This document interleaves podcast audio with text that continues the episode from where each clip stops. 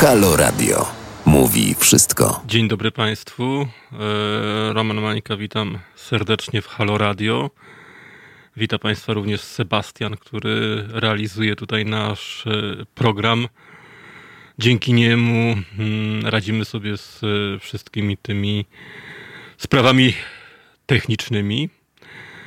No i mogę Państwu powiedzieć, że szybko ten rok minął, ponieważ tym tygodniu będzie moja pierwsza rocznica, kiedy jestem z Państwem w Halo Radio. Dokładnie 4 e, sierpnia 2020 roku rozpocząłem swoją współpracę, dobrze to pamiętam. Moimi gośćmi byli wówczas e, wybitni naukowcy, profesor Marcin Matczak, profesor prawa, w tym również prawa konstytucyjnego oraz e, doktor Magdalena Baran. Pamiętam doskonale tą dyskusję.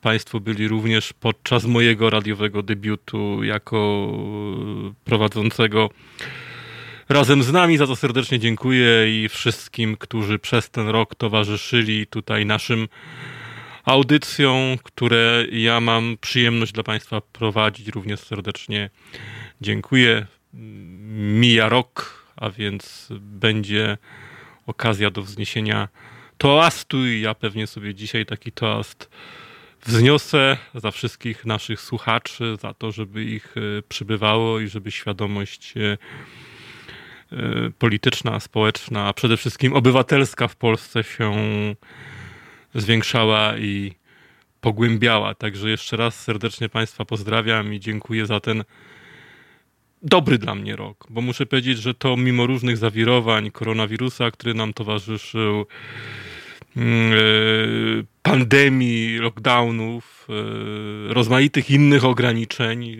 też e, spektakularnych wydarzeń politycznych, burzliwych czasami debat, protestów.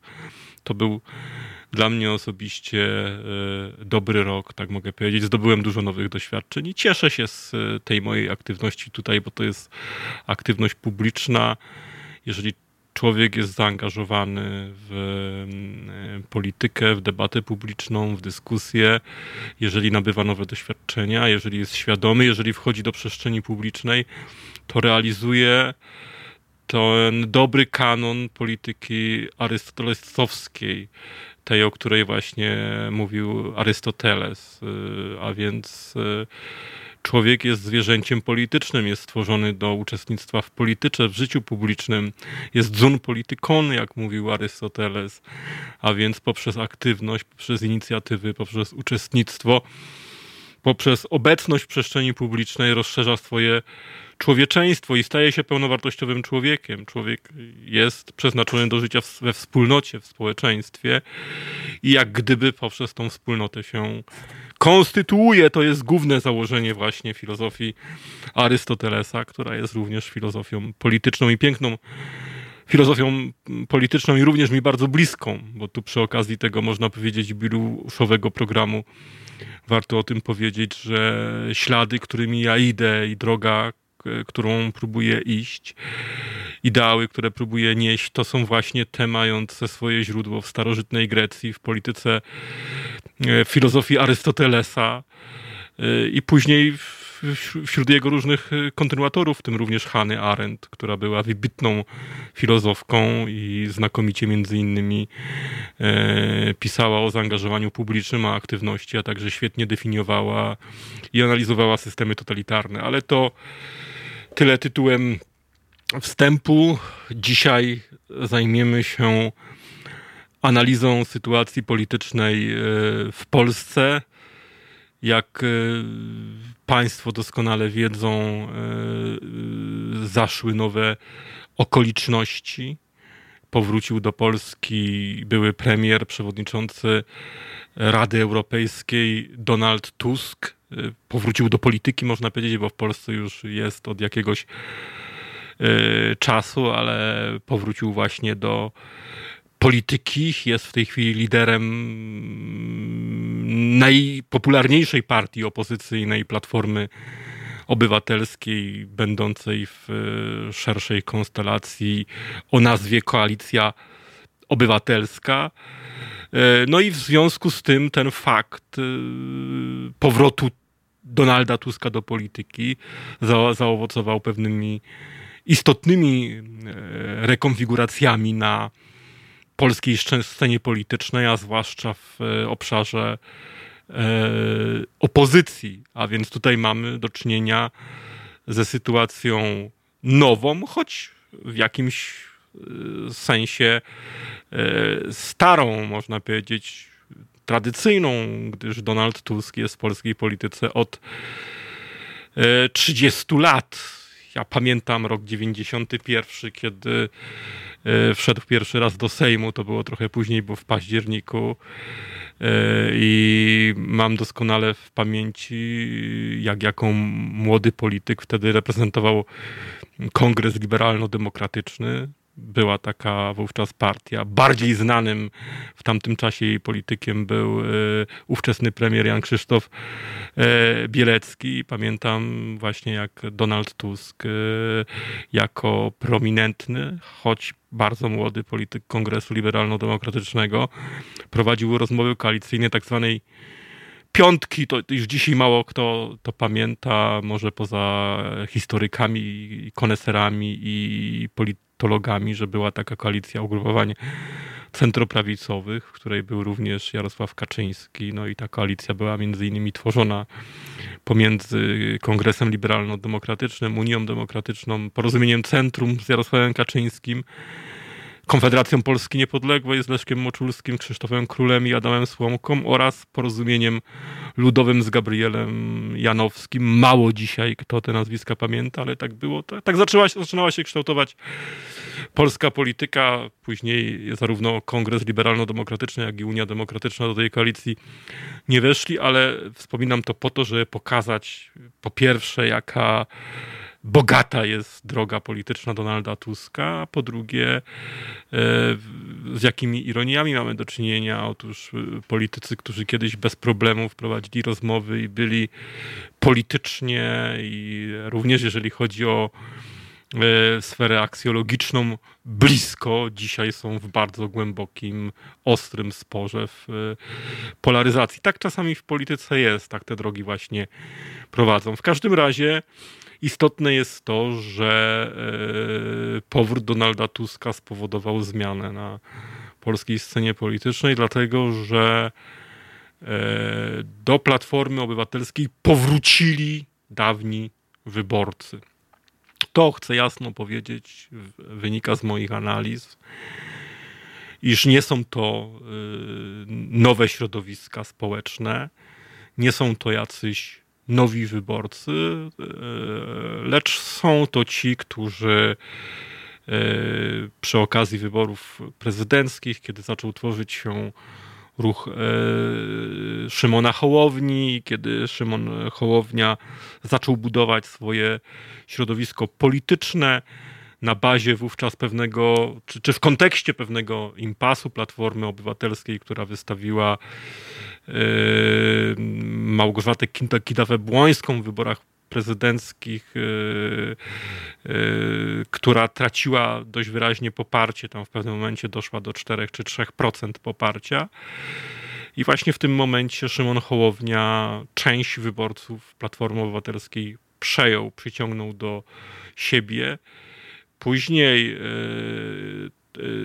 dość inną sytuację e, spowodowało wejście Rafała Trzaskowskiego w wyborach prezydenckich, który również część tych mm, wyborców był w stanie Hołowni z powrotem odebrać, ale jednak po, po tym, jak wygasły emocje związane z wyborami prezydenckimi, w których Szymon Hołownia zdobył 13, 12%, y, po tym, jak te emocje wy, wygasły, y, kiedy Trzaskowski nie prowadził jakiejś zdecydowanej polityki, nie budował aktywnie swojego własnego środowiska politycznego, ani też nie stał się liderem Platformy Obywatelskiej, to ci wyborcy znów przesunęli się w stronę Hołowni. I w ostatnich czasach wyglądało na to, że to właśnie mm, e, ruch Hołowni Polska 2050, który, która była bardzo aktywna w, w polityce, y, która powodowała rozmaite transfery znanych polityków, y, takich jak na przykład Joanna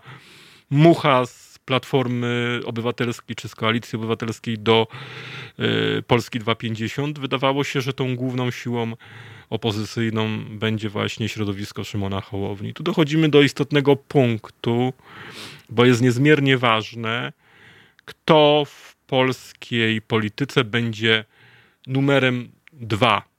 Kto będzie tym drugim ugrupowaniem, czyli kto będzie największym ugrupowaniem opozycyjnym.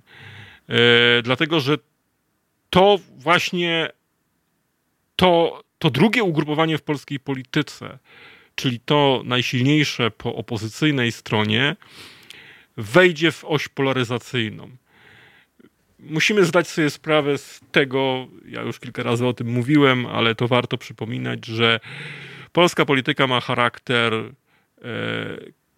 który dobrze opisuje filozofia Hegla, a więc charakter dialektyczny. E, oparta jest na przeciwieństwach, na polaryzacji, na opozycji. Czyli można powiedzieć, że w początku jest jednocześnie zaczątek końca. W tezie buduje się e, antyteza.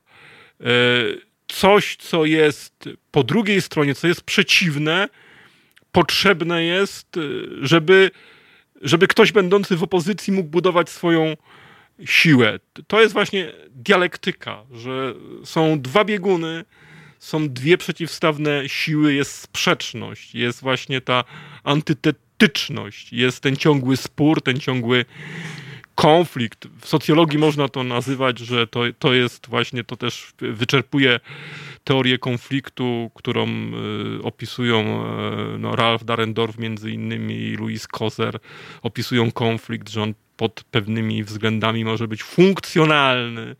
I tutaj ten konflikt również w Polsce, biorąc, wziąwszy pod uwagę scenę polityczną, jest funkcjonalny dla tych obydwu bytów, które, które dominują w polskiej polityce, a więc y, y, Prawu i Sprawiedliwość i Koalicji Obywatelskiej. To jest typowo heglowski układ. To, polski układ polityczny, polska scena polityczna jest dialektyczna, ona nie jest pluralistyczna. Bo gdyby była pluralistyczna, to byłaby duża różnorodność ugrupowań ona jest e, dialektyczna. Dominują dwa obozy, dwa bieguny. I, I to jest tak, jak czasami nawiązywał do e, filozofii Hegla e, znany francuski filozof i fenomenolog e, Maurice Maurey-Ponty, który pisał, że wrogowie nawzajem się kochają, zwalczają się, ale jedno, jednocześnie do siebie, jednocześnie bez siebie nie potrafią żyć, mimo że są w konflikcie, mimo że e, są w sporze, to jednocześnie się w jakiś sposób kochają, bo się dopełniają, jednocześnie pragną siebie, potrzebują siebie do tego, aby, aby e, prowadzić, aby, aby uzyskać legitymizację. I z jednej strony paradoksalność, chociaż dla kogoś, kto zna dialektykę i kto zna filozofię Hegla, to nie jest wcale paradoksalne, mm, polega na tym, że dwa podmioty, które są w polskiej polityce, czyli Prawo i Sprawiedliwość i e, Koalicja Obywatelska, wzajemnie się legitymizują, udzielają sobie legitymizacji. Nie mogą bez siebie żyć. Jeżeli jeden słabnie, to natychmiast, natychmiast drugi zaczyna mieć problemy. Mm, to widzieliśmy w trakcie wyborów prezydenckich, no bo przecież e, mm, e, kiedy właśnie kandydatura Y, pretendentki popieranej przez koalicję obywatelską Małgorzaty Kidawy-Błońskiej zaczynała słabnąć, to okazywało się, że słabnie również prezydent Andrzej Duda. Ta sytuacja y, paradoksalnie osłabionej koalicji obywatelskiej była niebezpieczna również dla Prawa i Sprawiedliwość, dla Andrzeja Dudy. I przecież gdyby każdy, kto zna e, uwarunkowania gry politycznej w Polsce, e, wie, że gdyby Prawo i Sprawiedliwość nie wyraziło zgody poprzez przegłosowanie pewnych rozwiązań prawnych na wymianę kandydata Koalicji Obywatelskiej z Małgorzaty Kidawy-Błońskiej na Rafała Trzaskowskiego, to do tego by nie mogło dojść. Jednak dla PiSu groźniejsza była sytuacja ze słabą Małgorzatą Kidawą-Błońską i słabą koalicją obywatelską, gdyż y, na głównego kontrkandydata Andrzeja Dudy wysuwał się wówczas y, Szymon Hołownia i on miał bardzo ważną zdolność pozyskiwania nowych głosów, czyli poparłby go cały stary układ, jak gdyby koalicji obywatelskiej, układ, którego w uproszczeniu, podkreślam, i technicznie można nazwać liberalnym. Poparłby go cały y, stary układ, związany w przybliżeniu z koalicją obywatelską, z lewicą, ale jeszcze oprócz tego y, poparliby go nowi wyborcy. I ta sytuacja była dla, dla PiSu dużo bardziej niebezpieczna niż pójście w starą melodię, czyli Rafał Trzaskowski, koalicjant Koalicji Obywatelskiej, e, z którym można będzie prowadzić e, walkę wyborczą na zasadach mniej więcej dotychczasowej polaryzacji. I dzisiaj jest sytuacja bardzo podobna. Czyli ten powrót Donalda Tuska, on nie jest jednoznaczny. E, tu są duże indosynkrazje dlatego że e, z jednej strony taka powierzchowna obserwacja może prowadzić do wniosku, że koalicja obywatelska się e, wzmacnia, e, że wyprzedziła środowisko Szymona Hołowni, że przystępuje do pościgu prawa i sprawiedliwości. Ale z drugiej strony Y, to może powodować również wzmocnienie PiS.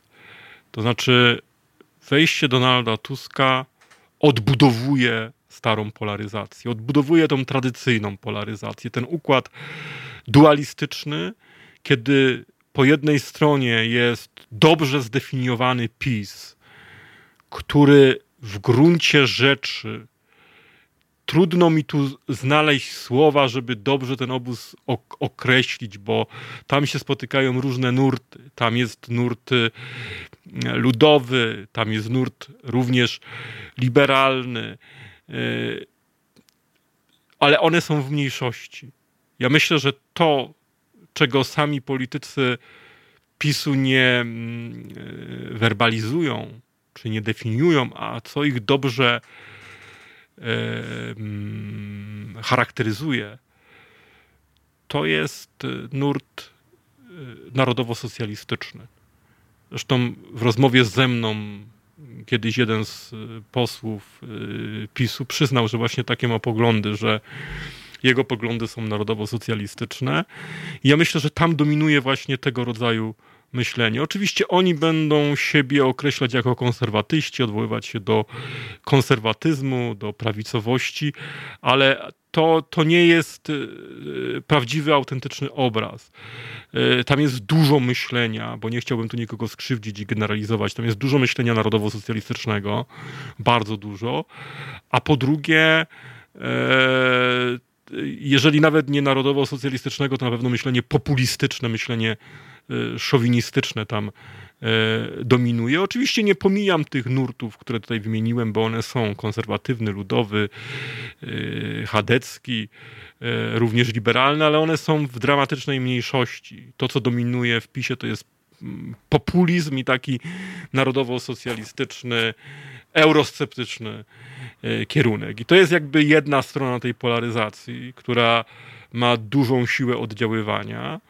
I po drugiej stronie będzie mm, to, co się, że tak powiem, wiąże z koalicją obywatelską, e, co w jakiś, czego w jakiś sposób ikoną jest Donald Tusk, co personifikuje Donald Tusk i co będzie określane jako obóz liberalny, chociaż w tym określeniu jest również wiele nieporozumień, bo no, tam mimo wszystko, jak gdyby tak popatrzył na klasyczną teorię liberalną i e, gdyby e, chciał e,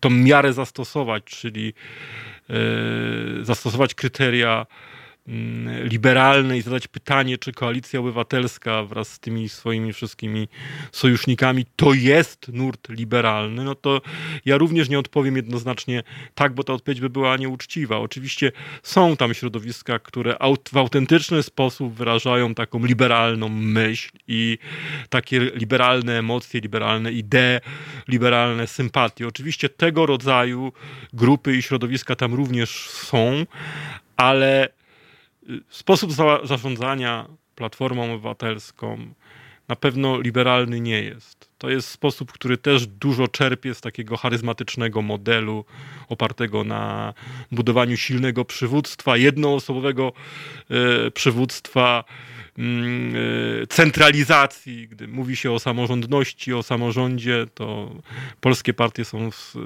scentralizowane i Koalicja Obywatelska, Platforma Obywatelska tu nie jest e, wyjątkiem, a poza tym też no, istnieje tutaj duża niejednoznaczność programowa, bo w czasach rządów Koalicji Obywatelskiej była silna luka pomiędzy y, obietnicami, które składano, a ich realizacją. Czyli e, w sferze progresywnej złożono dużo deklaracji, dużo haseł i właściwie nic z tego nie mm, zrealizowano. Przychodzi mi tutaj na myśl e, e, inny taki trochę analogiczny przypadek Stanów Zjednoczonych, bo tam między innymi Noam Chomsky silniej krytykuje demokratów niż republikanów, gdyż uważa, iż demokraci bardzo dużo obiecują w sferze progresywnej, a mało z tego programu jest później zrealizowane, czyli luka pomiędzy obietnicami a sferą realizacji jest większa niż u republikanów, którzy w sferze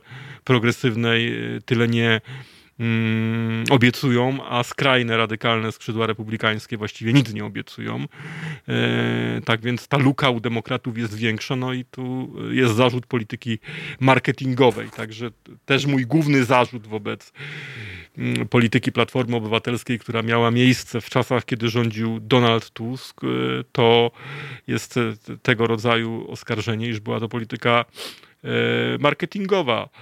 Było to słynne, mm, dobrze opakowane pudełko, piękne pudełko, do którego odwołuje się właśnie Avram Noam Chomsky, mówiąc o, o demokratach w Stanach Zjednoczonych, a więc y, piękne pudełko, ale puste, w środku nic nie ma. My nie potrzebujemy pustego pudełka, my potrzebujemy pudełko, które będzie pełne, w którym będą rozmaite progresywne idee i hasła, y, założenia zrealizowane.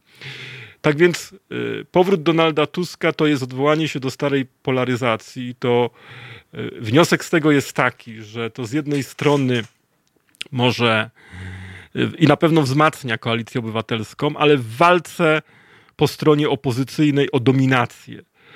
Jeżeli weźmiemy pod uwagę walkę, jaka ma miejsce na opozycji pomiędzy, no tutaj trzech graczy wymienię, środowisko Szymona Hołowni, lewica, która jest w tej chwili już, można powiedzieć, poważnie zdezorganizowana i e, koalicja obywatelska, e, no to jeżeli te trzy podmioty weźmiemy pod uwagę, to na pewno powrót Donalda Tuska wzmacnia koalicję obywatelską i czyni tę formację faworytem e, walki o lidera opozycji. Natomiast pytanie jest, czy, czy nie wzmacnia również PiSu czy refleksem tej sytuacji, albo echem tej sytuacji, bo dopiero za jakiś czas możemy to zauważyć, może być to uchwycone w badaniach opinii publicznej. Nie będzie okoliczność, że, że Prawo i Sprawiedliwość również na tym skorzysta.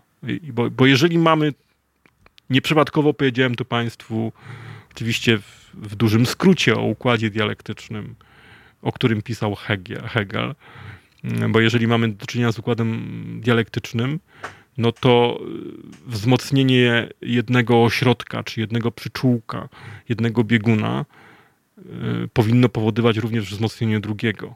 To jest ta wzajemna legitymacja, a więc może dojść do sytuacji, że y, przestrzeń publiczna, czy scena polityczna w Polsce będzie się polaryzować, że ta polaryzacja będzie rosła, że zaostrzał się będzie konflikt polityczny mm, i przez to e, obydwa podmioty e, zyskają na sile.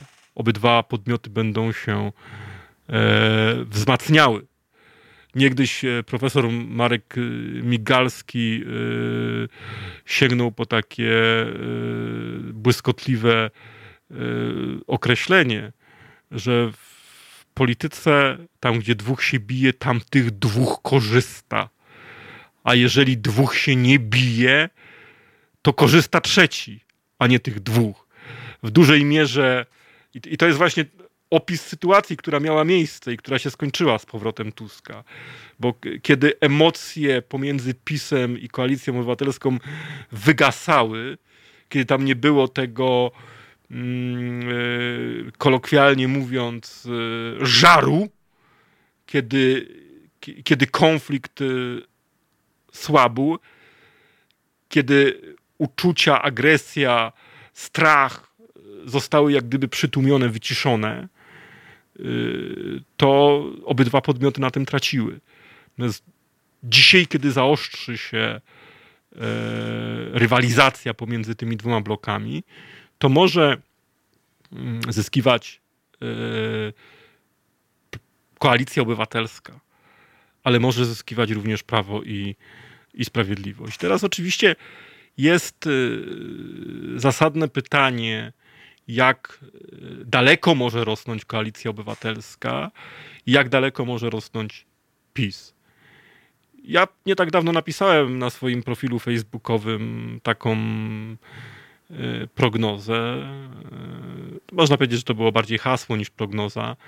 Y, pewien wniosek, że platforma jeszcze tego lata dojdzie do 30% i będzie dalej rosła. Ja uważam, że tak będzie, że albo w sierpniu, albo jeszcze we wrześniu platforma osiągnie 30%, chociaż jak pokazują analizy rozmaite, dynamika tego przyspieszania będzie coraz trudniejsza, będzie spadać. To jest trochę tak jak z przyspieszającym samochodem, że łatwo jest e, zwiększać prędkość, e, gdy się jedzie 40, 50, 80 km na godzinę, ale gdy się osiągnie już 150 czy 180, no to jest trudno zwiększać prędkość. Czyli dynamika spada. Więc ja myślę, że takimi y, dwoma wydarzeniami, które, które, które będą nas czekały, to jest właśnie osiągnięcie 30%.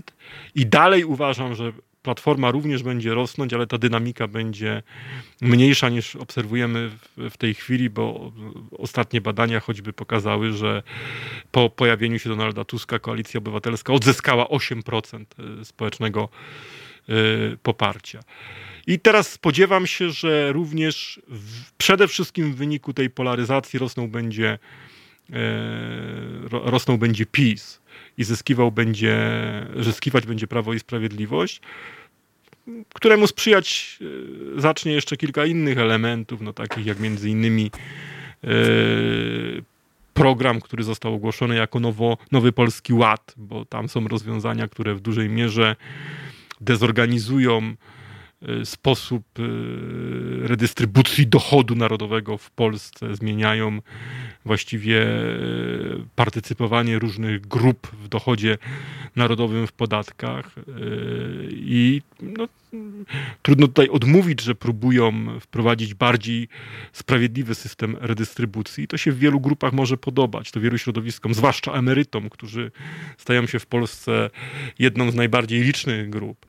E, wielu środowiskom to może się podobać i w związku z tym elektorat e, PiSu również może rosnąć, a wzmacniać to będzie efekt polaryzacji. Przede wszystkim efekt dialektyczny i efekt polaryzacji. Ten kontekst, ta przeciwwaga, czyli koalicja mm, obywatelska. To, co bardzo jeszcze ewidentnie spowodował y, y, powrót Tuska, i to już jest odwołanie się do y, zasobów. I w tym miejscu muszę powiedzieć, co powodowało, że do tej pory wygrywał PiS wybory przy wszelkich innych faktorach, które były istotne i Y, spełniały swoją funkcję, czy odgrywały rolę, e, to, to jeżeli spojrzymy tak matematycznie na to, y, co powodowało, czy jaki element powodował, że PiS y, wygrywał do tej pory ostatnie wybory, że w pewnym momencie e, zyskał przewagę ilościową, że, że wygrywał wybory, mm, to pomijając detale, o których za chwilę powiem, mm, bo tu było też dużo e, rozmaitych przypadkowych czynników, to pomijając te detale, to takim głównym e, czynnikiem był nie fakt pozyskania jakiejś grupy nowych wyborców, bo generalnie Prawo i Sprawiedliwość odwoływało się do swoich wyborców tradycyjnych, których przez, można powiedzieć, całe lata e, petryfikowało, których przez całe lata starało się zagospodarować.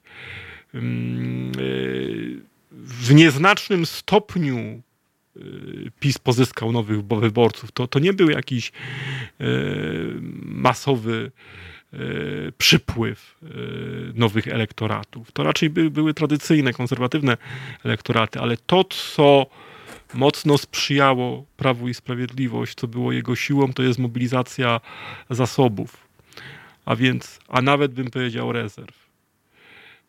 To jest proste odwołanie się do strategii gier. Każdy z Państwa, kto czytał strategię gier, polecam. Jest świetny dokument, z którego można się wiele dowiedzieć. Każdy, kto zna strategię gier, wie, że tam jest e, e, taka konkluzja, która mówi w sposób bardzo uniwersalny, iż zwycięży ten, kto lepiej zmobilizuje zasoby. Możemy to odnosić do różnych dziedzin, do militariów, do wojny, e, do sportu i rywalizacji w sporcie, do piłki nożnej i tak jak tu temat dzisiejszej dyskusji, do polityki. Wygra ten, kto lepiej zmobilizuje zasoby. A ja nawet mówię, że w ostatnim czasie to już nie zasoby, tylko rezerwy.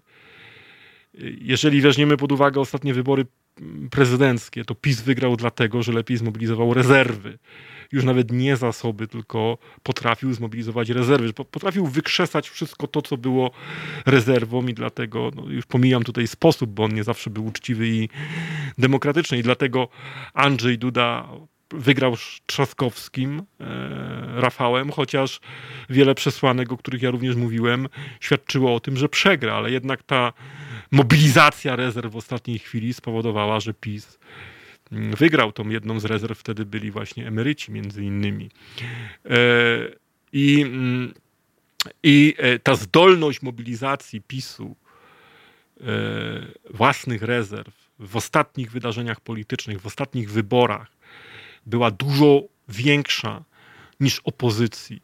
Opozycja również starała się mobilizować te zasoby, ale jednak to w taki sposób nie, nie wychodziło. Ja odwołam się do trzech wydarzeń. Y, pierwsze wydarzenie to jest wybory do Europarlamentu, gdzie y, mobilizacja w obszarze największego oparcia dla PiSu, a więc na polskiej wsi i małych miasteczkach, w trakcie wyborów do, do Europarlamentu w 2018 roku to było prawie 80, 2 trzecie Y, więcej niż w poprzednich wyborach do Europarlamentu. Tak więc ta, ta, ta, ta mobilizacja była olbrzymia mm, na terenach wiejskich. Mimo, że tam są poważne ubytki, których nawet statystyki i rejestry nie potrafią y, y, zauważyć, bo mamy do czynienia z taką sytuacją, że część osób wyjeżdża Y, ze wsi do wielkich miast, albo w, na studia, albo w poszukiwaniu pracy i nie odnotowuje tego faktu w rejestrach, nadal figuruje w rejestrach, a właściwie fizycznie już tam jest nieobecna. Tak więc ludzi na wsi mieszka mniej niż 40% ogółu ludzkości i ogółu e, mieszkańców Polski. E, i, I te zasoby nie są takie silne, jak były kiedyś, ale e, tu jest jeszcze właśnie ten czynnik mobilizacji, jeszcze drugi czynnik się pojawia, solidarności głosowania. W trakcie, w czasach, kiedy premierem była Beata Szydło, e, były sytuacje, spotykało się sytuacje, że na poszczególnych, poszczególnych gminach wiejskich na dziesięciu wyborców ośmiu deklarowało chęć głosowania na Prawo i Sprawiedliwość. E, dla porównania powiem, że na obóz liberalny, tak go w uproszczeniu nazywając, w miastach głosuje na 10 wyborców 5,5, 6 wyborców, a więc dużo mniej głosuje niż na wsi. Poza tym to, co się udało PiSowi zrobić, to właśnie mobilizacja na wsi, podniesienie frekwencji na wsi i w małych miasteczkach, w małych ośrodkach, czyli tam, gdzie to poparcie dla PiSu jest najwyższe, e, nastąpiła bardzo duża mobilizacja, zwiększyła się frekwencja. To jest po części też rezultat programu 500, gdyż on został tak e, skonstruowany, że jest adresowany do wszystkich, a więc do tych, którzy byli do tej pory nieaktywni wyborco, wyborczo. I e, to powoduje, że e, osoby, które otrzymają 500, do tej pory nie chodziły do wyborów, były nieaktywne wyborczo, ale gdy PiS był zagrożony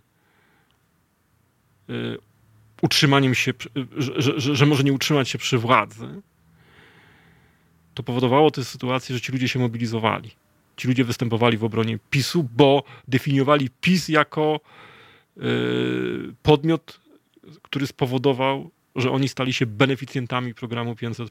I to y, powodowało mobilizację, dodatkowe poparcie dla Prawa i Sprawiedliwości. Było wiele innych czynników, także tutaj trzeba pamiętać o tych dwóch elementach wielkiej mobilizacji yy, w przestrzeni najwyższego poparcia dla Prawa i Sprawiedliwości, czyli na wsi, w małych miasteczkach, ale nie tylko mobilizacji, bo również frekwencji głosowania, żeby tutaj nie pomylić frekwencji głosowania z frekwencją, to chodzi o częstotliwość głosowania, czyli to ilu na 10, na 100 wyborców, na 1000 wyborców zagłosuje na PiS. No i ten przelicznik e, na polskiej wsi jest ciągle olbrzymi. To, jest, e, to było w czasach Beaty Szydło ośmiu wyborców na dziesięciu, siedmiu, ośmiu na dziesięciu, na, na dziesięciu.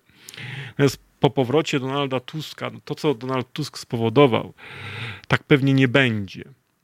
I myślę, że to jest czysto teoretyczne rozważanie, ale warto o nim powiedzieć, bo ono właśnie dobrze pokazuje, jakie, jakie istnieją zasoby po obydwu stronach.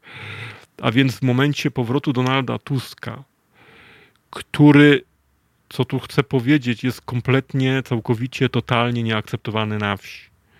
To jest e, z różnymi politykami koalicji obywatelskiej możemy mieć do czynienia. I możemy powiedzieć, że oczywiście Małgorzata Kidowa-Błońska również była nieakceptowana, że Rafał Trzaskowski również był nieakceptowany, ale oni byli nieakceptowani w dużo mniejszym stopniu. Natomiast Donald Tusk jest totalnie nieakceptowany na wsi. I gdybyśmy sobie wyobrazili taką sytuację, że dojdzie do ostrej polaryzacji i że to, to co się również udało, i tu na dygresję sobie pozwolę, dokonać Donaldowi Tuskowi, to znów jak gdyby zbliżyć do siebie PiS i Konfederację. Te ugrupowania, to, to była charakterystyczna rysa rządów Donalda Tuska, szczególnie od momentu katastrofy smoleńskiej, że te ugrupowania po katastrofie smoleńskiej zaczęły tworzyć jeden obóz. PiS i środowiska narodowe to był jeden y, obóz.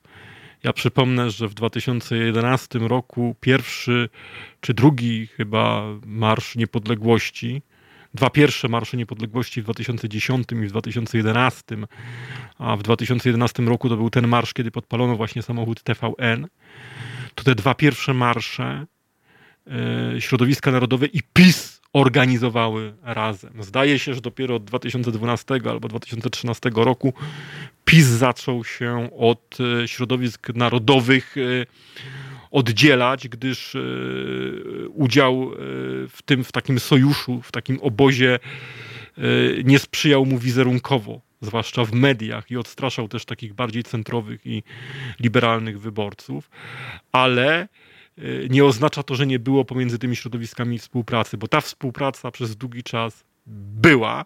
I ona się skończyła, kiedy PiS doszedł do władzy tak naprawdę, bo mm, środowiska y, narodowe zauważyły, że PiS próbuje przejąć ich elektorat, że próbuje im odebrać wyborców i w związku z tym doszło do pewnych konfliktów. Tam w międzyczasie też e, miała miejsce nagonka na środowiska narodowe w telewizji publicznej, w mediach publicznych To wywołało konflikt i zdystansowanie się obydwu środowisk. Mógłbym długo o tym mówić, ale to, co powoduje Donald Tusk, to jest znowu powrót do współpracy.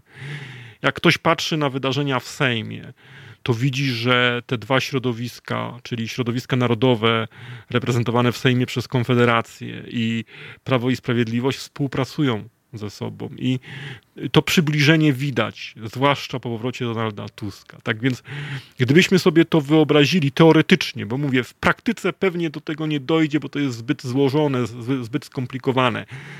Ale gdybyśmy sobie wyobrazili takie zderzenie z jednej strony obozu, nazwijmy go narodowego, czy nacjonalistycznego, mówiąc, mówić trzeba po imieniu, a więc PiSu i środowisk narodowych Konfederacji, a z drugiej strony obozu, nazwijmy go demokratycznego, y, umownie. Unikam słowa liberalnego, nazwijmy ten drugi obóz demokratycznym czy, czy wolnościowym, chociaż tu też demokracja pozostawia wiele do życzenia, ale, ale to już zostawiam na boku. No to przy takim zderzeniu na wsi y, obóz narodowy na 10 głosów, według moich szacunków, mógłby otrzymywać 8, a nawet 9 głosów. Na 10 głosujących 9 albo 8 głosów. Przy olbrzymiej frekwencji, jaka wystąpiłaby na wsi i przy olbrzymiej solidarności głosowania, o której przed chwilą wspomniałem, to, to dałoby no, no niesamowity pułap głosów. I w miastach teraz taki obóz narodowy zyskałby na 10 głosów 4, a obóz demokratyczny na 10 głosów 6. To oczywiście ja mówię w dużym uproszczeniu, uśredniając wiele rzeczy, bo wieś jest wsi nierówna, gmina gminie nierówna i miasto miastu nie równe, ale to nie jestem w stanie y, tutaj w audycji, y, gdzie jest ograniczony czas, wejść w takie do, do, dokładne przeliczenia. Musiałbym inaczej ścianę wschodnią Podkarpacie potraktować, inaczej województwo lubuskie, ścianę zachodnią, inaczej Ma Ma Mazowsze, Wielkopolskę, ale uśredniając tak, y, posługując się dużymi uproszczeniami, które jednak sporo mówią, spore, sporo oddają, bo pokazują tendencje, no to obóz narodowy zyskałby 8-9 wyborców na wsi na 10 głosujących, obóz demokratyczny pod przywództwem Tuska 6 na 10. To by dało prawdopodobnie PiSowi przy takim spolaryzowanym układzie zwycięstwo. To by prawdopodobnie doprowadziło do tego, że przy spłaszczeniu wyników i przy takiej bardzo daleko idącej polaryzacji, przy takim silnym układzie dialektycznym PiS wygrałby e, wybory szansą na wygranie z PiSem jest nie polaryzacja, tylko depolaryzacja. Żeby wygrać z PiSem trzeba zdepolaryzować yy, scenę yy, polityczną. Trudniej moim zdaniem, raczej to, to wszystko zależy od warunków, bo tu nie chcę też się wypowiedzieć jednoznacznie. Jest możliwość, że z PiSem się wygra, idąc na takie bezpośrednie zderzenie w ramach układu dialektycznego, polaryzacji, ale wszystko zależy od tego, jak będzie układ skonfigurowany, jak będzie ta formacja opozycyjna skonfigurowana, i kto będzie jej liderem. E, wszystko zależy od tego, czy będzie w stanie pozyskiwać nowe głosy, czy będzie w jakiś sposób akceptowalna w małych miasteczkach i, i na wsi, czy tam będzie w stanie w, w jakimś choćby zakresie e, podjąć walkę z PiSem. Dużo większe szanse, to jest ryzykowne, polaryzacja taka wprost z PiSem jest ryzykowna. Dużo większe szanse na zwycięstwo z PiSem jest w zdepolaryzowanym układzie, w pluralistycznym układzie. I tu odwołam się do dwóch wydarzeń. Przede wszystkim, proszę Państwa, jak doszedł PiS do władz? 2015 rok, cofnijmy się do tego roku. On to szczegół zadecydował. Można powiedzieć, że detal na który zresztą PiS nie miał dużego wpływu. E, bo okoliczność, iż, iż PiS zwyciężył w wyborach 2015 roku, uzyskując 38%, to nie był jakiś wielki wynik, e, wziąwszy pod uwagę kolejne wyniki PiSu. E, PiS zdobył bezwzględną większość dlatego, że wcześniej, jeszcze w, w, w czasie, kiedy organizowały się wybory, zjednoczyła się w Polsce lewica, znaczy doszło do fuzji SLD i ruchu Palikota, co po pierwsze spowodowało wymóg prawny osiągnięcia 8% dla koalicji, bo SLD wystąpiło z, z ruchem Palikota jako koalicja, więc musiało spełnić e, próg 8, osiągnąć próg 8%, a osiągnęło, jak pokazały wybory, realnie 7%. A po drugie, to stworzyło przejrzystą sytuację na lewej stronie sceny politycznej, dzięki czemu y, sporo głosów otrzymała partia razem, bo tam chyba ponad 3% głosów wówczas, wówczas zdobyła. Y, gdyby sytuacja była mniej czytelna na lewicy, gdyby wystąpiło więcej ugrupowań, to prawdopodobnie y, do Sejmu weszłoby SLD, osiągając 5%, i wówczas PiS z tymi 38% nie uzyskałby bezwzględnej większości. A tak sytuacja, w której głosy e, lewicy, oddane na lewicę, zmarnowały się, e, kiedy nie uzyskano 8% progu, to spowodowało oczywiście, że Prawo i Sprawiedliwość na tym skorzystało. Lewica popełniła błąd wówczas, że nie zjednoczyła się cała. E, to był błąd, że wszystkie trzy ugrupowania nie stworzyły koalicji, no bo wówczas prawdopodobnie by przekroczyły i ten 8% próg, uzyskałyby około 10% i PiS nie, nie miałby większości 38% i nie mógłby w Polsce rządzić. To jest bardzo istotne wydarzenie, więc mały szczegół, właściwie niezauważany dzisiaj przez analityków e, w ogóle, zdecydował o tym, że PiS ma większość. To nie jakieś poparcie PiSu gigantyczne sprawiło, że PiS ma bezwzględną większość. To nie przeliczenie, bo 38% to nie jest, to, to nie jest bezwzględna większość, przynajmniej w społeczeństwie, ale to przy systemie Donta i rozmaitych przeliczeniach powoduje, że, że jeżeli ktoś odpada z gry wyborczej, nie wchodzi do parlamentu, to zwycięzca zyskuje najwięcej i PiS w ten sposób zyskał. Drugi ważny moment to jest rok 2019 i wybory y, do Europarlamentu. Tu został popełniony katastrofalny błąd. Tworzono koalicję europejską pod przywództwem Schetyny, konfigurując ją w sposób, w którym elementy składowe nie pasowały do siebie, pozostawały w sprzeczności. Tutaj wyjaśnię Państwu, że budowanie sojuszu czy koalicji gdziekolwiek ma sens tylko wówczas, jeżeli osiągnie się efekt eurugencji, emergencji. On jest czasami nazywany synergią również, ale lepszą nazwą, bardziej prawidłową jest emergencja. To chodzi o to, że ma zostać uzyskane więcej niż wynika z połączenia, z dodawania, niż wynika z matematyki. Czyli w wyniku połączenia, zbudowania sojuszu, wspólnoty, ma utworzyć się efekt dodatkowy, dodatkowa wartość, dodatkowa jakość. Koalicja Europejska była źle skonfigurowana. Wówczas była szansa na wygranie wyborów z PiSem. Wielka szansa. Popełniono błąd polegający na tym, że włączono PSL do koalicji europejskiej i właściwie w tej sytuacji wtedy PiS na wsi pozostał jako samodzielny podmiot, nie miał konkurencji. A głosy PSL-u ja wtedy pisałem zresztą i ostrzegałem przed takim wariantem. Głosy PSL-u trafiły do PiSu. Do koalicji europejskiej weszły ludowe elity, PSL-owskie elity, natomiast głosy PSL-u trafiły do Prawa i Sprawiedliwości i to był błąd. Ale gdyby na przykład zamiast PSL-u, gdyby PSL startował samodzielnie, a zamiast PSL-u w ramach koalicji europejskiej byłaby wiosna, która szła samodzielnie do eurowyborów i uzyskała 7%, to już czysta matematyka dawała koalicji europejskiej 30, 45. No bo w wyborach osiągnęła 38 i gdyby dodać głosy, które uzyskała wiosna, to byłoby 45% głosów. Czyli już można powiedzieć więcej albo tyle samo, co uzyskał PiS. A gdyby jeszcze do tego dodać efekt y, emergencji, no to, to mogłoby być 50, nawet ponad 50 procent, efekt emergencji, czyli ten, ta synergia, czyli, czyli ten efekt dodany, czyli to, co można wyrazić równaniem 2 plus 2 równa się Nie 4, a 5 albo 6, czyli więcej niż by wynikało z dodawania. I oczywiście to był ważny moment, bo wybory Europar do Europarlamentu odbywały się przed wyborami do polskiego parlamentu. I, I to była taka lotna premia, jak ja to nazwałem, jak w kolarstwie się mówi o lotnej premii, przygrywka.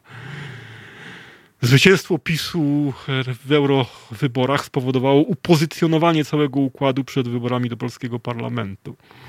Ale jednak w wyborach do polskiego parlamentu moje tezy, które wówczas stawiałem, się potwierdziły, bo PSL poszedł oddzielnie i wszedł do parlamentu. Konfederacja również weszła do polskiego parlamentu, a PiS uzyskał mniej niż w czasie wyborów do Europarlamentu. Tak więc, proszę Państwa, no, kończy nam się już czas. Nie wszystko zdążyłem powiedzieć, co bym, co bym chciał. E, czekają nas na pewno bardzo ciekawe czasy, bardzo ciekawe wydarzenia, które warto obserwować. I to wszystko nie jest takie proste, jak się wydaje. I na pewno powrót Donalda Tuska zdynamizował polską politykę i na pewno ożywił koalicję obywatelską, przywrócił tam nadzieję, zaktywizował ją. Ale trzeba pamiętać, że to również, że to nie musi być oczywiste. Tak, tak to będę kończył. Że to nie musi być jednoznaczne, że to wcale nie musi w oczywisty sposób działać na niekorzyść PiS. Są warianty, w których może to zadziałać na korzyść prawa i sprawiedliwości. Jeżeli pozwolicie Państwo, to w następnym programie dalej będziemy analizować tą sytuację polityczną. Jeszcze tylko jedną myśl powiem.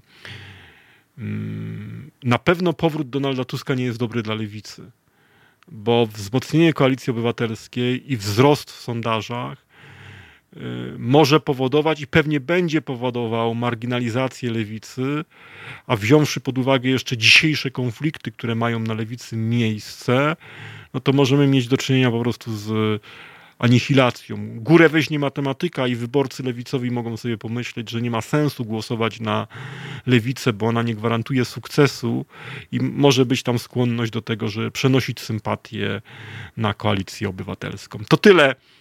Dziękuję Państwu bardzo za uwagę. Życzę wszystkiego najlepszego, miłej mm, pogody. Y, dużo słońca. No i zapraszam na kolejne moje programy. Do widzenia i do usłyszenia. Na www.haloradio ukośnik SOS wspieraj niezależne Halo Radio, które mówi wszystko. www.halo.radio ukośnik SOS Dziękujemy.